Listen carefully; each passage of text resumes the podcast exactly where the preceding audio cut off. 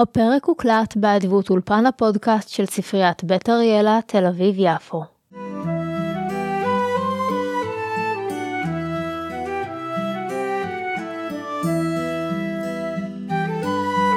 ברוכות וברוכים הבאים למסע לא צפוי, פודקאסט טולקינאי. אני כרמל הרולד לוזובר, ומעולם לא קראתי שר הטבעות. עד היום. אני חוזרת אחרי הפסקה קצרה עקב אילוצים טכניים, מתנצלת שלא הייתי פה, שמחה מאוד לחזור אליכם. השבוע אנחנו עם פרק חדש, נדבר על הפרק בסימן הסוסון המרקד אם אתם קוראים את תרגום לבנית, או תחת שלט הסוסון המקרקר אם אתם קוראים את תרגום לוטם. השבוע נמצא איתי יריב יערי, הוא כבר היה פה, הפרקים נעלמו, התאדו לאוויר, והוא בטוב ליבו הסכים לחזור ולהתארח פה, אני מאושרת שאתה איתי. היי יריב. היי כרמל, אה, נעים להיפגש שוב. בהחלט, בהחלט. אני אשמח אם אה, תציג את עצמך למאזינים שלנו. אז אני יריב יערי, אני מתמטיקאי בהשכלתי, מתכנת במקצועי וטולקינאי בזמני החופשי, כאשר יש כזה. אני גם קיבוצניק בהכרתי. מתי נחשפת לראשונה לספרים של טולקין ומה המקום שלהם בחיים שלך? אז אני נחשפתי לראשונה לספרים של טולקין בגיל צעיר אני לא יודע בדיוק מתי אבל אני מעריך שבגיל שמונה בערך קראתי את ההוביט וזמן קצר אחר כך קראתי את שר הטבעות וגם את הסילמריליון בגיל צעיר כלשהו אה, ובאותו זמן הם היו ספרי פנטזיה מהחביבים עליי יותר אבל הם לא היו יותר מרכזיים מזה. אני קורא של ספרות פנטזיה ומדע בדיוני באופן כללי בטווח די רחב. ובערך בגיל 30 נחשפתי בעצם לקהילת טולקין הישראלית במסגרת הכנסים וזה גרם לי להיכנס לתוך מחילת הארנב והתגלגלתי משם לפודקאסטים טולקינאים שונים ומשונים ולטולקין סוסייטי הבריטית או העולמית המרכז שלו בבריטניה ולמצב שבו חלק משמעותי מהזמן הפנוי של מושקע בדברים שונים ומשונים הקשורים בצורות שונות לטולקין. יש איזושהי דמות מהספרים שאתה אוהב במיוחד? אז אני אתחיל בתשובה שהיא לא שהיא לא רצינית אבל היא לא בדיוק רלוונטית לספר הזה אני מאוד אוהב את הדמות של פינרוד. כמובן כולם אוהבים את פינרוד זה אחד מהדברים שמאפיינים אותו אם תהית איפה פינרוד מופיע בשר הטבעות אז בוודאי נתקלת בדמות של גילדור אינגלוריון לבית פינרוד וזהו. בסילמריון הוא מופיע כדמות ממשית אבל אם נסתכל על שר הטבעות אני כרגע אתן את התשובה של תום בומבדיל זה משתנה לפי, לפי הטעם לפי הזמן אה, יש משהו מאוד קסום בתום בומבדיל ביחס שלו לחיים הוא מאוד אה, אה, מאוד קורץ לי לעיתים קרובות. את תום כבר פגשתי ובהחלט פינרוד לא לא פגשתי אותו אישית אבל כולם אוהבים את פינרוד. אני מחכה לאהוב את פינרוד גם כשניפגש.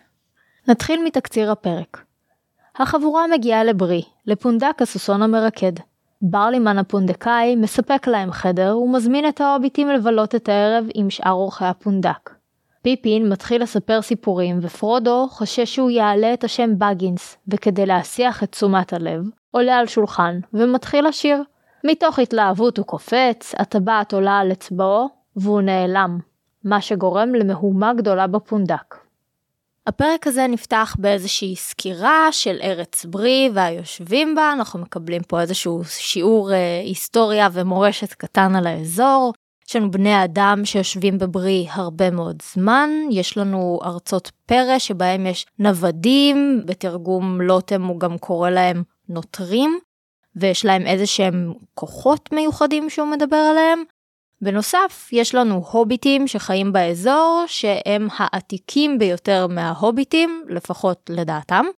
בני בקלנד וטוק הגיעו לעיתים אה, לפונדק הסוסון המרקד, ולכל הדעות נתערב דם של ברי בדמם של בני ברנדיאבק. הכפר בנוי סמוך למספר דרכים ראשיות, ויש לו שני שערים שננעלים בלילות. כן רציתי לומר מילה על, על באמת העניין הזה של הנוטרים או הנוודים. טולקין משתמש במילה במילה ranger לתיאור שלהם ו ranger במשמעות כפי שהיא בימיו של טולקין לפחות היא מישהו שנודד one who ranges. ויש לזה שתי משמעויות טיפוסיות עיקריות. אחת זה באמת נווד ממש והשנייה זה משהו כמו משטרה נודדת כן? park ranger Texas ranger למי שראה את ווקר ו- ויש עוד כמה וריאציות כאלה ואני מניח שמשם הגיע התרגום לנוטרים שזה בעצם מקבילה מקומית אה, קיימת אבל אני חושב שאין כל כך ספק מבחינת היחס של המקומיים אל אותם rangers שהם מכונים rangers בגלל שהם נוודים ואין שום תפיסה שהם שומרים עליהם באיזושהי צורה שמשטרה נודדת כזו או אחרת. לא כסמכות או כדמות שמגנה, זאת אומרת לא. מתייחסים לזה בפן היותר מזלזל של המילה. הם, הם חשודים מתוקף היותם נוודים אבל הם לא נחשבים לבעלי השפעה חיובית כלשהי כפי שהיית מצפה מאיזשהו גורם שיטור מאיזשהו סוג. עכשיו היום למילה ranger מי מאיתנו שמשחק D&D בוודאי מכיר את המשמעות של class אה, ב-D&D שנקרא ranger שהוא סוג של לוחם שקשור לטבע בצורות שונות ומשונות והמשמעות הזו היא משמעות מאוחרת מהספר ולמעשה משמעות בהשפעת הספר. ויש כמה דברים כאלה שאפשר לראות ב-D&D ובתרבות הכללית שנגזרים ממילים שמופיעות בשר הטבעות וגורמים לזה שדברים נראים אחרת כשאנחנו קוראים אותם היום לעומת כשטולקין כתב אותם. כמו ranger דוגמה אחרת אגב אם רוצים זה הדוגמה של ה wight בפרק הקודם נתקלנו ב barrow wight ומי שמכיר שוב D&D או כמה דברים אחרים מכיר בוודאי את המילה wight במשמעות של סוג של רוח רפאים אל-מת כזה או אחר אבל כאשר טולקין כתב את זה למיטב ידיעתי זו לא הייתה המשמעות והמשמעות של wight היא אדם או מישהו. קורי אולסן שהוא אחד מהפודקסטרים בין השאר החביבים עליי בענייני טולקין נוהג לתרגם barrow wight כ grave dude. כן זה הפירוש המודרני יותר. זה נחמד האמת שיש כל מיני מילים שטולקין משתמש בהם והמקור העתיק שלהם בעצם משמעות שהיא קצת שונה ממה שאנחנו מכירים היום ואז זה מוסיף לזה עוד משמעות שיכול להיות שהיא בכלל שונה מהדבר הראשון שעולה לנו לראש. כן כי הספר השפיע על התרבות אנחנו כבר היום חיים בתרבות שהיא מאוד מושפעת משר הטבעות ודברים נחווים אחרת כתוצאה מזה. אז אנחנו רואים שבברי יש לנו איזושהי חברה מעורבת יש לנו גם בני אדם, יש לנו גם הוביטים, יש איזה שהם שיתופי פעולה למרות שהם גם נפרדים בצורה מסוימת מבחינת המגורים שלהם, אבל זה משהו שהוא יוצא דופן. כן זה, זה יוצא דופן ואפילו אומרים לנו במפורש הניסוח אצל תרגום לבנית הוא בשום מקום אחר בעולם לא נתקיים הסדר מיוחד ומוצלח כמו זה. אנחנו רואים שהעולם של הארץ התיכונה הוא עולם שבו יש הפרדה גזעית מאוד ברורה ביישובים. זה לא שאין מקומות שאפשר למצוא בהם נאמר אלפים בפלך אפשר למצוא אלפים בפלך פגשנו אלפים בפלך. אבל האלפים שבפלך לא גרים במקומות שגרים בהם הוביטים אם הם גרים בפלך וזה לא ברור אז הם לא גרים במקומות שגרים בהם הוביטים יש להם יש את הכפר וודהול ויש את המקום של האלפים שנמצא ליד הכפר וודהול שבו הם חנו ללילה. שמענו שהם בעיקר חולפים ופגשנו איזשהו מקום שהוא אה, מחנה לילי זמני שלהם. בדיוק וגם אבל גם אם יש משהו שהוא פחות זמני ואנחנו לא יודעים זה אפשרי אנחנו בעצם לא יודעים הרבה על, על אורחותיהם של בני לילית. ההוביטים שחיים באזור של אותו מחנה לילי בוודאי לא יודעים שיש שם מחנה לילי כי כשההוביטים מתעוררים שם הם לא מזהים את המקום כמשהו שהם היו מזהים כמחנה אז ייתכן שיש עוד הרבה מחנות ליליים כאלה ייתכן שיש איזה שהם מקומות שהם נסתרים שקשה למצוא אותם שבהם יש יישובי קבע. אנחנו לא יודעים את כל הדברים האלה אבל מה שאנחנו יודעים בוודאות זה שאין יישובים מעורבים. ולא רק שאין יישובים מעורבים להוביטים ואלפים אין גם יישובים מעורבים לבני אדם וגמדים או יישובים מעורבים לגמדים ואלפים. הדברים האלה לא קיימים. יש מקומות שיש יישובים סמוכים יש בוודאות מסחר. אנחנו רואים שיש גמדים שמתארחים בפונדק שהוא פונדק אנושי בסך הכל והדברים האלה בוודאי קורים בעוד מקומות. ייתכן שיש לא יודע שגרירויות משלחות אבל עיר מעורבת זה לא. וברי בזה במובן הזה הוא ייחודי. בעצם הקונספט של העיר הקוסמופוליטית התפיסה שאנחנו חיים איתה היום לגבי מה זו עיר זה בעצם דבר שלא כל כך קיים בצורה הזאת בארץ התיכונה. וזה קשור לעובדה שזה עולם נאמר במתכונת ימי הביניים במידה רבה. בתחילת הפרק פרודו והחברים מגיעים לשער של ברי פוגשים שם את שומר הלילה שואל אותם מי הם, למה הם באו, וכשהם עונים לו הוא מזהה שהם מהפלך לפי המבטא. מתוך הספר, שמותינו ועיסוקנו הם ענייננו שלנו, ולא זה המקום מתאים לדון בהם, אמר פרודו, שלא נראו לו חזות האיש ונימת דיבורו. עיסוקכם הוא עניינכם בלי ספק, אמר האיש, אך אני, עיסוקי הוא לשאול שאלות, אחר רדת הלילה. בשלב הזה מרי מציג את עצמו כמר ברנדיאבק והמעמד שלו לפי מה שאני יודעת הוא גבוה ואז השומר מתנצל ומכניס אותם.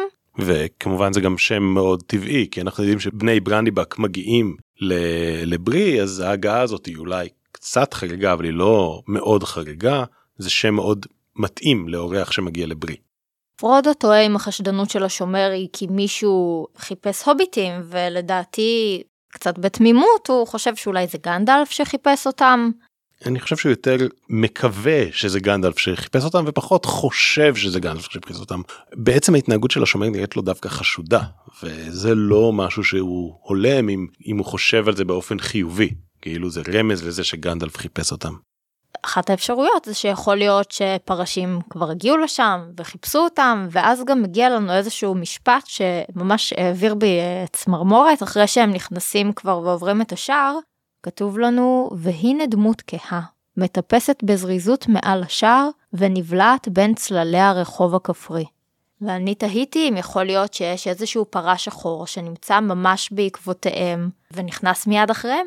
מישהו בהחלט נכנס מיד אחריהם מי זה ומה הכוונות שלו אנחנו אה, נחכה ונראה אם, אם הוא יעלה ויופיע בהמשך. אני רוצה להעיר פה כאשר ההוביטים נכנסים לכפר לברי על התגובה המאוד קיצונית של סם למראה הבניינים. הם מתכוונים להגיע לפונדק הסוסון המקרקר כי תום המליץ עליו ואז לסם יש איזושהי הסתייגות מהמבנה הזה שהוא מאוד גדול הוא מאיים עליו לא רק המבנה הזה הוא מאוד גדול אבל כן הוא, הוא באופן כללי מאוד מאוד מוטרד מהמפגש עם בני אדם. ומהבניינים האלה שבנויים לא כמו שהוביטים בונים הוביטים אחרי הכל בונים מתחת לקרקע אם אפשר ואם לא אז בונים בקומה אחת מעל הקרקע שטוחה ופה יש בניינים גבוהים ומשהו מאוד זר ומוזר וקודם כל זה אה, הקצנה של הקרטנות ההוביטית הכללית. סם הוא, הוא הדמות הכי קרטנית שאנחנו מכירים של הוביט כי אנחנו לא כל כך רואים את ההוביטים פשוטי העם פרט לסם. וההתנהגות שלו פה היא בעצם הקצנה של מה שראינו ממנו עוד לפני זה. ראינו את ההתנהגות שלו אצל העיקר מגות וראינו את היחס שלו למעבורת. הוא מאוד מאוד חשדן בנוגע לכל דבר שלא נעשה כמו שהוא רגיל שיעשה בבית של אבא שלו או לכל היותר בבית של בילבו ופרודו. ואנחנו רואים פה את זה בצורה מאוד מאוד קיצונית ובעצם מה שאנחנו רואים פה הוא גם מאפיין את התרבות ההוביטית באופן כללי כי את אותו דבר או את המקבילה של ההתנהגות של סם ראינו במידה מוקטנת אצל האיכר מאגוט עצמו שמדבר על זה שבני הוביטון הם, הם משונים אנחנו נראה את זה בנוגע ליחס של ההוביטים בפלך להוביטים בברי שהם הם זרים ומשונים ואנחנו נראה את זה בעוד צורות כי ההוביטים הם כולם מאוד מאוד סגורים וקרטנים עד שהם נפתחים במידה כזו או אחרת אל העולם הרחב. אנחנו בהחלט רואים שקיבלנו את ה vibe הזה מההוביטים אה, בערך כמעט כל פרק שפגשנו אותם שכל מי שלא מגיע ממש מאותו כפר כמוהם ואפילו חלק מהחבר'ה בכפר נחשבים מוזרים לפעמים אז קשה להם קשה להם משהו אחר. אצל סם זה בא לידי ביטוי עד כדי כך שהוא כבר מדמיין פרשים שחורים ואת הסוסים שלהם כאילו הם נמצאים שם בפונדק. שזה אפשר להבין אותו הפרשים השחורים נראים כמו בני אדם אה, כן ככה הם מתוארים אה, אביו של סם שפגש אחד מהפרשים השחורים ממש תיאר אותו כבן העם הגדול וגם העיקר מאגות חושב שהוא כזה.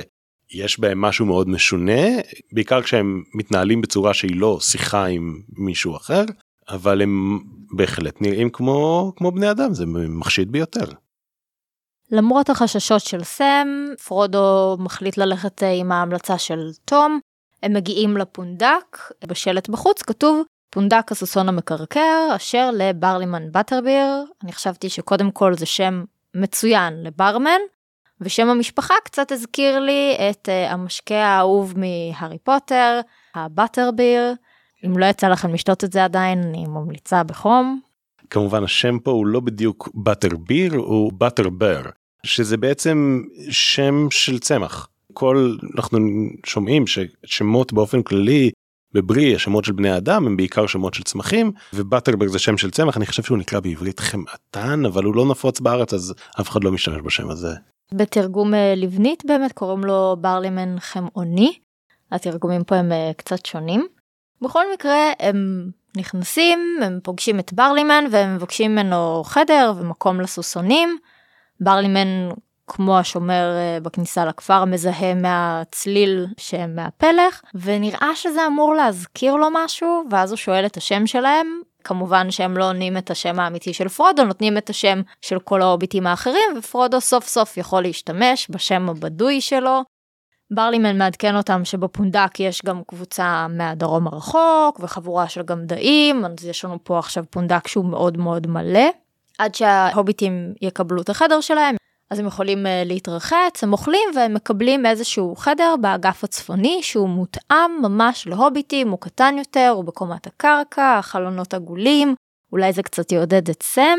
אנחנו פוגשים לראשונה את הדמות של ברלימן בטרבר. מה תוכל לספר לנו עליו בלי ספוילרים אה, עד כמה שאפשר אם יש כאלה?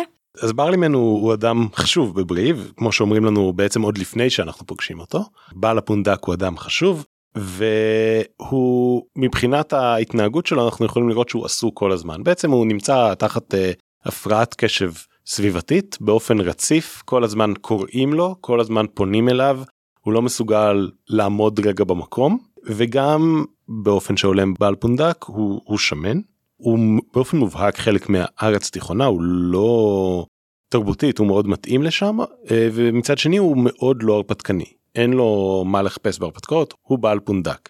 מה שאנחנו כן רואים זה שהוא אחת מהדוגמאות הבולטות למעמד אה, מסחרי שאנחנו נפגוש במהלך הסיפור. אנחנו נגלה שיש לו איזה שהם קשרי מסחר. טוב חייבים להיות לו קשרי מסחר כי הוא בסך הכל מציע איזשהו שירות מרכזי הוא מייבא או קונה סחורה שמגיעה מכל מיני מקומות כי לא את הכל מייצרים בברי למשל את הבירה הוא מייצר אבל את הבירה הוא מייצר אבל למשל את הטבק יש טבק שמגדלים באזור ברי אבל הוא מעדיף לייבא טבק אנחנו נשמע על זה בנקודה מסוימת אני לא בטוח איפה. הטבק של הנפה הדרומית של הפלך נחשב לטוב במיוחד ובטרבר מעוניין לקנות אותו זה זה נכון זה ידוע. עוד דבר אחד שאנחנו יודעים עליו זה שהוא יודע קרוא וכתוב אם את זוכרת את ההתחלה של הסיפור כאשר אביו של סם מדבר על הקשר בין בילבו לסם והוא מדבר על זה שבילבו לימד את סם את האותיות ואני מקווה ששום דבר רע לא יצא מזה. ברלימן הוא אדם חשוב וזה בא לידי ביטוי בין השאר בזה שהוא יודע לקרוא. כלומר התפקיד שלו מחייב אותו לדעת לקרוא ולכתוב והוא יודע לקרוא ולכתוב וזה חלק מהיותו דמות חשובה או דמות מרכזית. אם בפלח מי שיודעים לקרוא ולכתוב באופן נורמלי הם האצולה וסם כנראה באופן שאינו הולם את מעמדו אז uh, בעל הפונדק הוא פחות או יותר מקבילה מקבילה לאצולה בברי מבחינת החשיבות שלו וגם זה בא לידי ביטוי בכך שהוא יודע לקרוא. זה אולי עוד איזשהו מאפיין uh, ימי ביניימי שיש לנו שזה ממש לא ברור מאליו שאי פעם יצאת מהכפר שלך או שאתה יודע לקרוא ולכתוב. וגם אנחנו רואים שוב פה אגב את העניין הזה שבו תושבי ברי קוראים ליושבי הפלך outsiders כי הם מחוץ לברי וזה כן אנחנו רואים פה שוב את כל הקרטנות כל המקומיות. ברלימן מציע להוביטים להצטרף לשאר האורחים כי הוא אומר שהם בטח התעניינו בחדשות מהפלך. אני ישר חשבתי שזה רעיון איום ונורא הדבר הנכון והאחראי הוא לא להתערבב בקהל, תישארו בחדר שלכם, תנוחו, תצאו הכי מוקדם שאפשר, וזהו. נכון, והם כמובן מודעים לזה שיש בזה בעייתיות, והם מזהירים אחד את השני מה צריך לעשות ומה אסור לעשות, ובדיוק כמו עם כל האזהרות שהם קיבלו מתום בומבדיל, כל האזהרות האלה הן חשובות, ומכל האזהרות האלה מתעלמים. בסוף פרודו, פיפין וסם מחליטים לקבל את ההזמנה, מרי נשאר בחדר, לפחות בינתיים, הוא אומר שאולי אחר כך הוא יצא לשאוף אוויר, גם לא הרעיון הכי טוב בעולם. הם מגיעים אל האולם של הפונדק, יש שם קהל מעורב של בני אדם, גמדאים, הוביטים ועוד כל מיני דמויות מטושטשות שהיה קשה לעמוד על טיבן, זה ככה מתוך כן, הספר. כן, זה בעצם מה שנותן ניסיון לתת את הוויזואליה של המקום. אצל טולקין יש לא מעט ניסיונות לתת תיאורים ויזואליים בכל מיני צורות, אחת מהצורות זה תיאורים ויזואליים ארוכים. בדרך כלל התיאורים אגב הם פחות של אה, דמויות ויותר של מקומות. תיאורים של דמויות הם הרבה פעמים לא ויזואליים באופן מאוד מאוד משונה למי שלא רגיל לזה יש מקומות שמתארים מראה שהספר מתאר דמות ולכאורה מתאר את המראה אבל בעצם במילים שלא מתארות מראה אלא מתארות נאמר את התחושה שאתה מקבל כשאתה רואה אותה או רגשות או מאפיינים לא ויזואליים שמתקשרים למראה. זה מאוד מאוד מעניין צורת התיאורים הזו. אבל דווקא למקומות בדרך כלל יש תיאורים פיזיים ממש ופה אנחנו רואים תיאור של חדר מרכזי שמואר מהאח. זה דבר שהוא מאוד מוזר לי כן? ואפילו אני חושב לנו בעידן החשמל. אבל בעולם שאין בו חשמל אז האור הרבה פעמים הוא מטושטש הוא מרצד. האח חוץ מזה שהיא פולטת אור היא גם פולטת עשן ולא כל העשן נאסף לערובה. והחדר הזה קשה לראות. כלומר הדמויות המטושטשות הן לא מטושטשות באופן חשוד הן פשוט נמצאות רחוק ובאזורים טיפה פחות מוארים וכל הדבר הזה הוא, הוא זר לנו בעולם שבעולם החשמל אבל uh, בעולם ש, של של שר הטבעות הוא, הוא מאוד uh, מאוד טבעי. אז הם נכנסים לחדר הזה, יש שם כן איזושהי אוכלוסייה שהיא מעורבת, הם מתקבלים בשמחה ובסקרנות, ופרודו, שעכשיו כמובן נקרא מר אנדרהיל, השם הבדוי שלו, מוצא במרכאות קרובי משפחה מהכפר הסמוך. פרודו מספר שהוא כותב ספר על ההוביטים היושבים מחוץ לפלך, זה סיפור הכיסוי שלו, והוא אומר שהוא הגיע לאזור כדי לאסוף מידע. בתגובה ההוביטים בפונדק מספקים המון חומר לכאילו ספר הזה, כי כמובן שאם יש משהו שהוביטים מאוד אוהבים זה שושלות של הוביטים, ואני חשבתי שהם uh, התאכזבו מאוד לגלות שספר כזה לא הולך להיכתב, לפחות לא על ידי חברם מר אנדרהיל. כן, אנחנו גם רואים פה שוב אגב דוגמה או המחשה לחשיבותו של אה, ברלימן כי הוא הראשון ברשימה של האנשים שצריך לפנות אליהם כדי לקבל מידע על אורחות חייהם של הוביטים בברי והוא איננו הוביט כמובן. הדבר הזה הוא, הוא מעניין כן אין בדיוק אין הוביט מרכזי ככל הנראה שהוא מרכזי להוביטים כמו ברלימן באטר. אנחנו שומעים חדשות שהמצב בדרום קשה ויש בני אדם שהם פליטים. ואז מתוך הספר כותבים לנו שתושבי ברי הצטערו בצערם, אך ברור שאין הם מוכנים לקלוט מספר גדול של זרים בארצם הזעירה. נושא של פליטים זה נושא שהוא אקטואלי לנו גם היום בכל מיני מקומות בעולם, לא ניכנס עכשיו לדברים שהם ספציפיים, אבל בהקשר של הספר זה קצת צבט לי את הלב לחשוב שתושבי ברי כאילו סבבה מצטערים, אבל הם לא בהכרח יוכלו ויהיו מוכנים לקלוט את, את בני האדם האלה שנמצאים במצוקה, מסתפקים באיזה אמירה סולידרית כזאת של אוי כאילו באסה. זה נכון ולא נכון כלומר יש קודם כל חשוב לשים לב שמדובר על זה שהם לא מוכנים לקלוט מספר גדול של זרים. בסך הכל בחברה חקלאית אנחנו לא מקבלים הרבה מידע על כמה אוכל קיים מצב האוכל בברי אבל בחברה חקלאית האוכל הוא מגבלה אמיתית ואי אפשר פשוט לקלוט באופן פתאומי אוכלוסייה גדולה נוספת. בחברה המודרנית זה פחות עניין גם בגלל שבסך הכל ייצור המזון הוא לא מקומי בדרך כלל והמורכבות של לייבא עוד מזון היא יחסית נמוכה אז זה פחות בעיה ואצלם זו בעיה מאוד מאוד רצינית ולכן הם כנראה משתמע מהתיאור הזה שהם מוכנים לקלוט מספר כלשהו של זרים אבל לא מספר גדול של זרים כי זה שם אותם באמת במצוקת רעב. אני חושב שההקבלות של מצב פליטות אז להיום הן מוגבלות בגלל שהעולם הוא אחר. ההוביטים לא מוטרדים בכלל. עכשיו העובדה שההוביטים לא מוטרדים בכלל היא מאוד משונה בעיניי כי זה נכון שלבני אדם אין מה לחפש במחילות ההוביטים עצמם. נגיד לשינויים הפוליטיים שכרוכים בהגירה של כמויות גדולות של אנשים תהיה השלכה.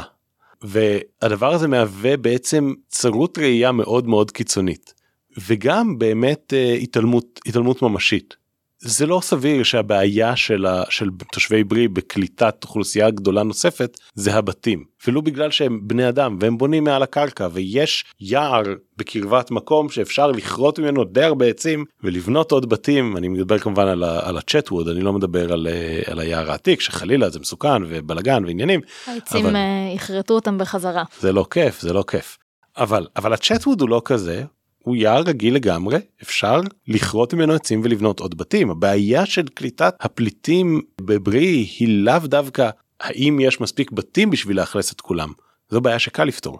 ולכן ההתנהגות של ההוביטים נראית לי מאוד משונה וצרת מוחין.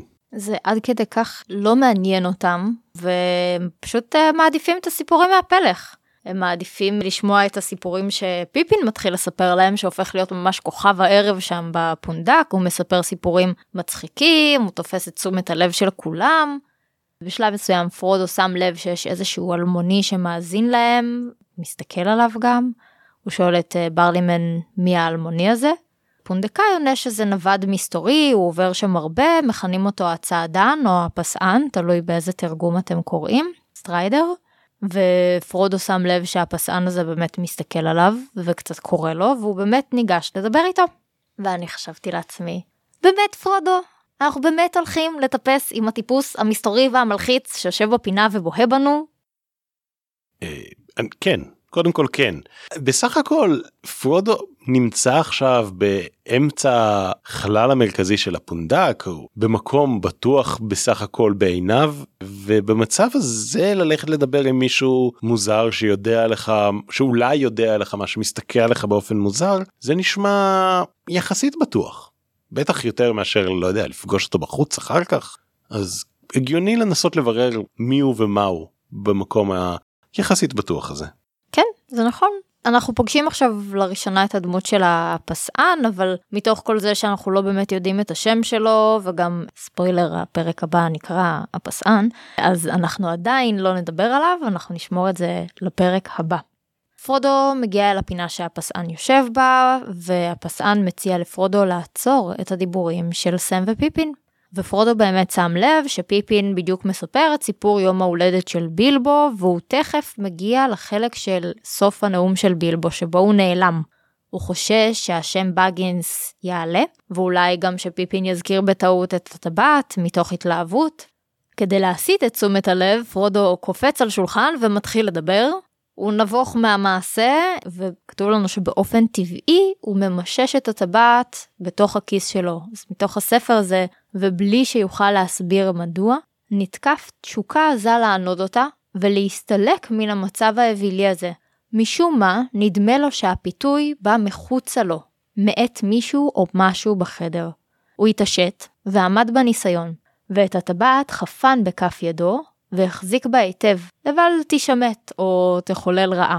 בעצם אנחנו רואים פה זה לא הפעם הראשונה שפרודו חש איזשהו דחף לענוד את הטבעת ולהתחמק ממשהו זה קורה גם uh, בתנאים של פחד גם בתנאים של uh, מבוכה גם בצורה מאוד משונה בבית תום בומבדיל כפי שכבר הוזכר בעבר ואת כל ה... עד הנקודה הזאת זו הפעם הראשונה שהוא מזהה שהדבר הזה הוא לא באמת משהו משלו. איזשהו כוח שפועל עליו. הקורא יכול יכול היה לזהות שמדובר באיזשהו כוח חיצוני שפועל עליו בגלל שהלך המחשבה שלו בתנאים האלה הוא בדרך כלל שונה כאשר הוא מקשיב לאותו כוח הלך המחשבה שלו הוא שונה מהרגיל. זה כל העניין הזה של תירוצים די גרועים ללמה זה יהיה בסדר לענוד את הטבעת כן. ואיך זה הפתרון הרצוי. רציונליזציה בעייתית בהרבה מקרים וגם במקומות שבהם היא סבירה מבחינה שהטיעונים הם טיעונים אה, נכונים עצם הניסיון לעשות רציונליזציה הוא חשוד. עצם הניסיון לחשוב קודם למצוא את הפתרון ואז לחשוב על הסיבות. זה תמיד חשוד וחשוד במיוחד במקרים האלה. מה שכן אנחנו רואים שאומנם הוא מזהה שהפיתוי בא מבחוץ אבל התגובה שלו בואי נגיד לא אידיאלית כפי שהתברר בהמשך בסוף אנחנו נמצאים פה עכשיו באיזשהו רצף רציני של טעויות uh, מצד פרודו, אז הוא הצליח לתפוס את תשומת הלב של האנשים בחדר ולעצור את פיפין, ועכשיו מתוך כל המבוכה הזאת uh, אנחנו מגיעים למצב שהוא מחליט לשיר איזשהו שיר, השיר הארוך ביותר שנתקלנו בו בינתיים. פרודו שר שיר שבמקור כתב אותו בילבו והסובבים מתלהבים, אוהבים את השיר, מבקשים סבב שני ובסבב השני הם גם מצטרפים אליו לשירה, נהיה שם מאוד מאוד שמח. השיר הזה הוא, הוא דבר מאוד מעניין בעיניי. במשפט האחרון לפני השיר, בתרגום לבנית הוא בימינו נוהגים בדרך כלל לפזם רק מקצת ממנו. עכשיו כשאני קראתי את הספר הזה לא הבנתי במה מדובר בכלל לא היה לי שום הקשר לקבל את זה אבל ההקשר הוא לגמרי מובן למי שגדל בתרבות האנגלית. בגלל שבתרבות האנגלית ישנם uh, סיפורי אני מאמין שזה מופיע באם האבזה יש אם האבזה זה אוסף של שירי נונסנס בעיקרם שירי ילדים עתיקים למדי השיר הזה אני חושב שהוא אחד מהם זה בכל מקרה שיר נונסנס מאוד ותיק והוא הולך כך. היי דידל דידל the cat and the fiddle the cow jumped over the moon the little dog laughed to see such sport and the dish ran away with the spoon. הדבר הזה הוא שיר נונסנס עתיק ביותר לכל הפחות אם אני זוכר נכון לכל הפחות מהמאה ה-14 אה, ככל הנראה במקור בכלל נכתב באנגלית תיכונה אולי יותר ותיק מזה לא ברור יש שורה של כל מיני ניסיונות להסביר מה הוא אמור היה להביע במקור. אבל הוא נונסנס אבל הוא נונסנס אגב ו... זה גם uh, הציטוט uh, של הפרק שלנו. כמובן ציטוט חשוב ביותר. ומה שטולקין עשה פה זה הוא כתב איזשהו הסבר מונפץ ביותר למאיפה השיר הזה הגיע שכולל שיר שלם שכשאתה קורא אותו אז הבית הזה שהוא הבית האחד לפני האחרון פתאום נשמע הגיוני. בתוך ההקשר של השיר הוא לא נונסנס. למה הוא עשה את זה? זאת שאלה מעניינת. אבל כשקורא אנגלי קורא את זה אז יש פה את הרובד הנוסף הזה של לקשור את העולם של אה, הארץ התיכונה לעולם שלנו כאיזשהו עולם קדום ששרד ממנו רק הבית הזה מהשיר העתיק שבילבו כתב בשיר באמת יש לנו את הפרה שקופצת שם, ובתוך ההתלהבות של השירה גם פרודו קופץ, קצת חזק מדי, הנחיתה שלו היא לצערו על מגש של ספלים, שם נפילה, התרסקות, דברים מתנפצים, ותוך כדי כל הדבר הזה, הטבעת בטעות עולה לו על האצבע, והוא נעלם. כל יושבי הפונדק כמובן בהלם, הוא עדיין עם הטבעת, זוחל הצידה אל הפינה שהפסען יושב בה, ושם רק הוא מסיר את הטבעת. מתוך הספר, ובכן, אמר הפסען לאחר שנתגלה פרודו, מדוע עשית זאת? הרי זה גרוע מכל מה שיכלו חבריך לומר. את הצרה הבאת עליך בעצם ידך, או שמא עליי לומר, בעצם אצבעך? כן, זה... הפסען או הצעדן מפגין פה מידה מסוימת מן הידע שלו לגבי כל העניין, וזה באמת מדאיג ביותר. הוא גם מפגין פה מידה מכובדת של שנינות. התרגום מתקשה להעביר את מלוא השנינות במקור הוא ממש משתמש בביטוי האנגלי you put your foot in it ואז הוא מתקן מפוט לפינגר וזה ממחיש בצורה מאוד מאוד יפה את המעבר בצורה שהיא מעבר מיד לאצבע זה וגם הוא ממחיש בצורה חזקה את העובדה שיש לו תפיסה שיש פה משהו מסביב כלומר אתה שמת את האצבע שלך בתוך זה זה עוד יותר מפורש ממה שיש בעברית. אני בהתחלה בכלל לא הייתי בטוחה אם הוא פשוט ראה את פרודו מוריד את הטבעת או שהוא באמת ידע שיש טבעת ומתוך זה הרמיזה. בכל מקרה אנחנו מבינים שיש לו איזשהו ידע מוקדם מעבר uh, לידע שאמור להיות לו לפחות, כי הוא גם ידע להגיד uh, לפרודו לעצור את פיפין מהדיבורים, וגם מופיע לנו המשפט, ברשותך מר בגינס, ארצה לגלול עמך שיחה שקטה. אז אנחנו מבינים שהפסען יודע מי זה פרודו, הוא לא קנה את כל הסיפור הזה של מר אנדרהיל, ואני סקרנית מאוד להבין מי זה, ואם הוא בצד שלנו. אז מזל שיש לנו פרק שמוקדש לזה ממש אה, בעוד כמה דפים. תודה טולקין. עכשיו כל יושבי הפונדק נרתעים מהחבורה. הם לא משתכנעים שפרודו לא נעלם ורק זחל מתחת לשולחנות ובגלל זה לא ראו אותו, סיפור קצת אה, מונפץ. הפונדק הולך ומתרוקן, המסיבה נגמרה.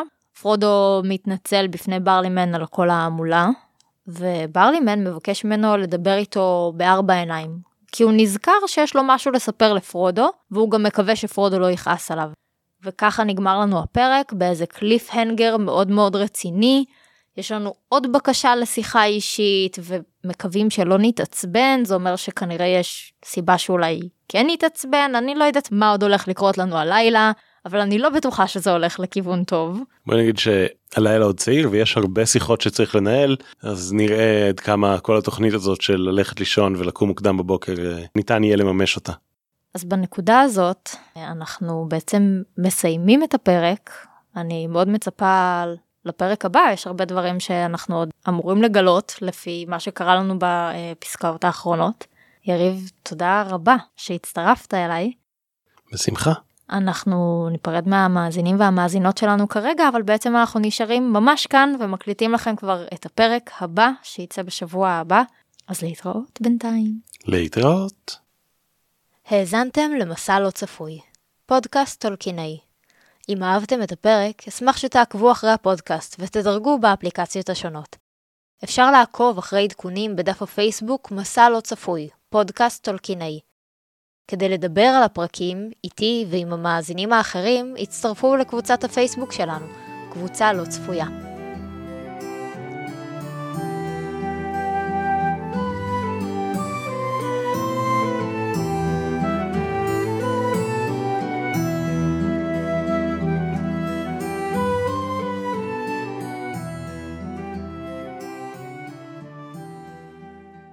הפרק הוקלט באדיבות אולפן הפודקאסט של ספריית בית אריאלה, תל אביב-יפו.